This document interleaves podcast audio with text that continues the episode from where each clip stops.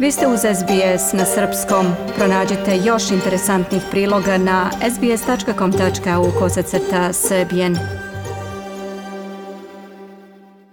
Proteklih dana se činilo da će se stanje u Viktoriji smiriti nakon što su ponovo uvedene restriktivne mere treće faze, kao i obavezno nošenje maski u Melbourneu i oblasti Mitchell. Međutim, danas je opet oboren rekord po broju novih slučaja COVID-19 u ovoj australijskoj državi. Danas su potvrđena čak 723 nova slučaja, a 13 osoba je preminulo od posledica bolesti. Sada će maske biti obavezne za sve stanovnike Viktorije. Od nedelje ujutru ni u regionalnim delovima ove države neće neće moći da se izlazi iz kuće bez maske na licu. Ista novčana kazna od 200 dolara će važiti širom države, a ne samo u Melbourneu i okrugu Mitchell. Premijer Viktorije Daniel Andrews rekao je da su smrtni ishodi povezani sa staračkim domovima i da i dalje ima mnogo da se uradi po pitanju suzbijanja zaraze u ustanovama za negu starih lica. On je potvrdio da je Savezna vlada preuzela kontrolu nad staračkim domom St. Basil, gde je bilo najviše slučaja zaraze kao i preminulih. Čak 913 aktivnih slučajeva COVID COVID-a ima u ustanovama za negu starih lica u Viktoriji. Andrews je tokom današnjeg obraćanja istakao da je preko milion testova obavljeno u Viktoriji od januara ove godine. Ukupan broj pozitivnih od tada u toj državi do danas je 9998, odnosno nešto ispod jednog procenta. On kaže da svi nivoi vlasti sada sarađuju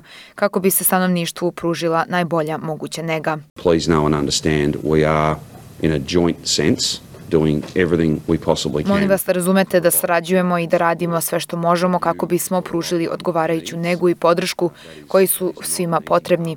Ovo nije lak zadatak, ali ulažemo veliki trud u ovo, rekao je Andrews. Premijer Viktorije je takođe govorio o problemima sa sistemom testiranja po kućama. Australijska federalna policija je zadužena da ide od vrata do vrata i da testira ljude, kao i da proverava da li zaraženi poštuju protokole o karantinu i izolaciji. Policija je do sada posetila skoro 800 kuća kuća, a Daniel Andrews kaže da je razočaran da čuje da u mnogim slučajevima zaražena osoba ili osoba u izolaciji nije bila kod kuće. Uh, there were a number of people who were not home. U po nekim situacijama zaražena osoba nije bila kod kuće, bilo je i situacija gde cela porodica koja je trebalo da bude u karantinu nije bila kod kuće. Ponekad se čak ispostavilo da je zaražena osoba ipak otišla na posao. Rekao je Andrews istakao da je tako ponašanje razočaravajuće, ali da ne želi da krivi nikoga pojedinačno, već apeluje na celo stanovništvo da poštuje protokole nije samo stvar u kontroli i zakonu. Time što policija posećuje ljude kod kuće može i da im pruži pomoć. Nekim ljudima su bili potrebni lekovi, nekima namirnice. To je sada sve rešeno. Poenta je da pokucamo na vrata i da pitamo kako možemo da vam pomognemo, dodao je premijer. On je još jednom podvukao da restriktivne mere važe na teritoriji cele Viktorije i da ljudi ne bi trebalo da idu u kućne posete. Primetili smo da dolazi do širenja zaraze na poslu i po kućama kada se ljudi posećuju.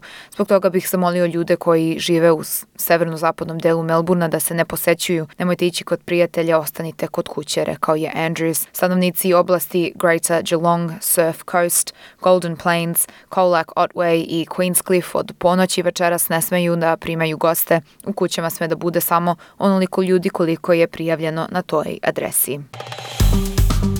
Dajte like, podelite, komentarišite. Pratite SBS Serbian Facebook profil.